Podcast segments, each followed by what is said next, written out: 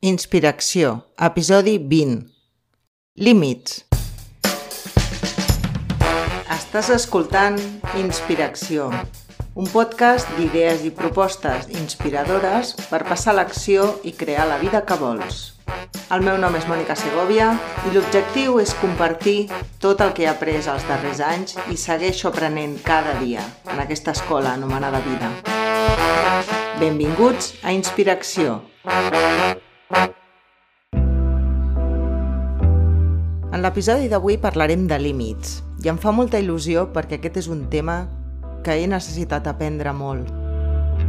Estic feliç de poder-ho compartir i difondre el missatge perquè puguis tu també establir límits saludables a la teva vida. I què són els límits? Els límits que establim amb nosaltres mateixes al voltant del que tolerem i el que no tolerem. Què està bé i què no per nosaltres. La majoria de les persones ni tan sols es plantegen on es troben els seus límits. I com que no els tenen definits clarament, la gent els creua contínuament. Si com jo era abans ets una persona que et costa dir no, que sempre ets la primera a comprometre't massa i intentar complaure a tothom, en fer-ho, al final t'acabes fent mal a tu mateixa, perquè no et prestes l'atenció i la cura que mereixes. Alça una mà si alguna vegada has dit que sí a una cosa que realment no volies fer, per obligació, per no sentir-te malament o per no decebre altres persones. Alça una altra mà si t'has sacrificat mai per mantenir la pau d'una situació, per fer feliços a tothom, sense prestar atenció a les teves necessitats. Hem gastat molt de temps i energia gestionant la percepció dels altres i assumint més responsabilitat que la nostra, de manera que ens hem estat abandonant per assegurar-nos que altres persones estiguin bé, en comptes de consultar-nos amb nosaltres mateixes per veure si estàvem bé. Doncs recuperem el nostre poder, controlem com emprem el nostre temps i energia, en lloc de donar-ho tot a tothom. Deixa d'esgotar-te i dona't realment el que necessites, tu ets la teva millor amiga, la número 1 de la teva llista. El primer pas, com sempre, és l'autoconsciència. Cal que et coneguis a tu mateixa, com et sents sobre les coses, on es troben els teus límits. En qualsevol situació pregunta't quina és la meva preferència, quin és el meu desig. Coneix el que vols per començar a considerar-te primer i les teves necessitats. Molta gent ni tan sols es fa aquesta pregunta. No sap què vol i no sap quines són les seves necessitats i per això altres persones les passaran per sobre. Si no ho decideixes, altres persones decidiran per tu. El següent pas, després de conèixer-te i saber els teus límits, és comunicar-los i expressar els teus desitjos. Expressa aquests límits perquè altres persones sàpiguen on et situes i on són aquestes línies? Si no les expresses mai, la gent no ho sabrà. És el moment d'expressar la teva veritat, expressar la teva opinió honesta, els teus pensaments, com et sents, encara que sigui incòmode, fins i tot si tens por sobre el que altres persones puguin dir, i fins i tot si algú se sent ofès.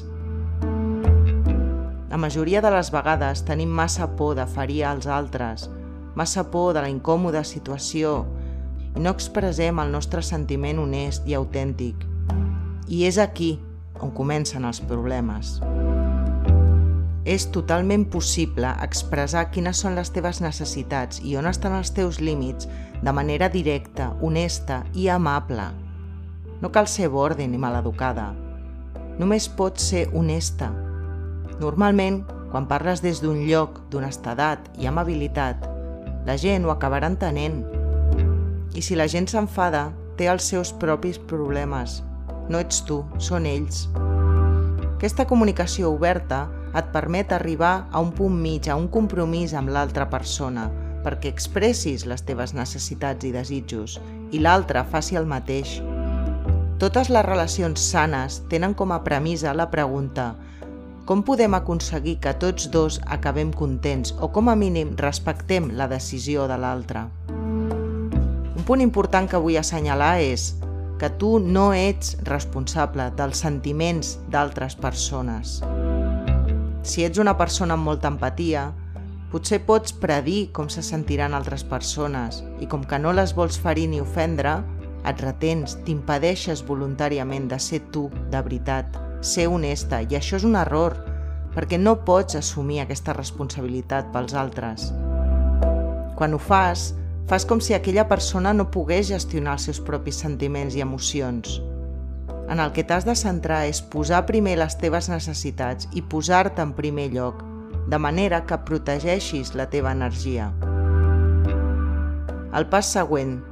Deixa d'intentar mantenir la pau.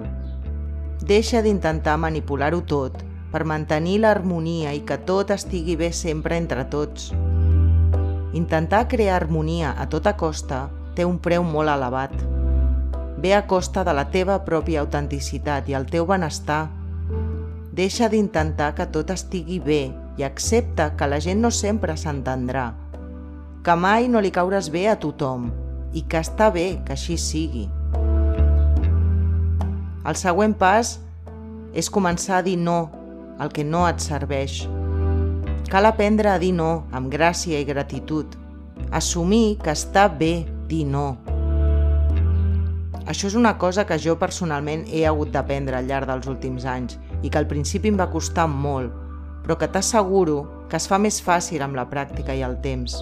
Comença per les petites coses. Digues no, però gràcies. No, no estic disponible, gràcies. Al final et sentiràs millor i molt més lliure, perquè només diràs que sí a les coses que realment vols fer.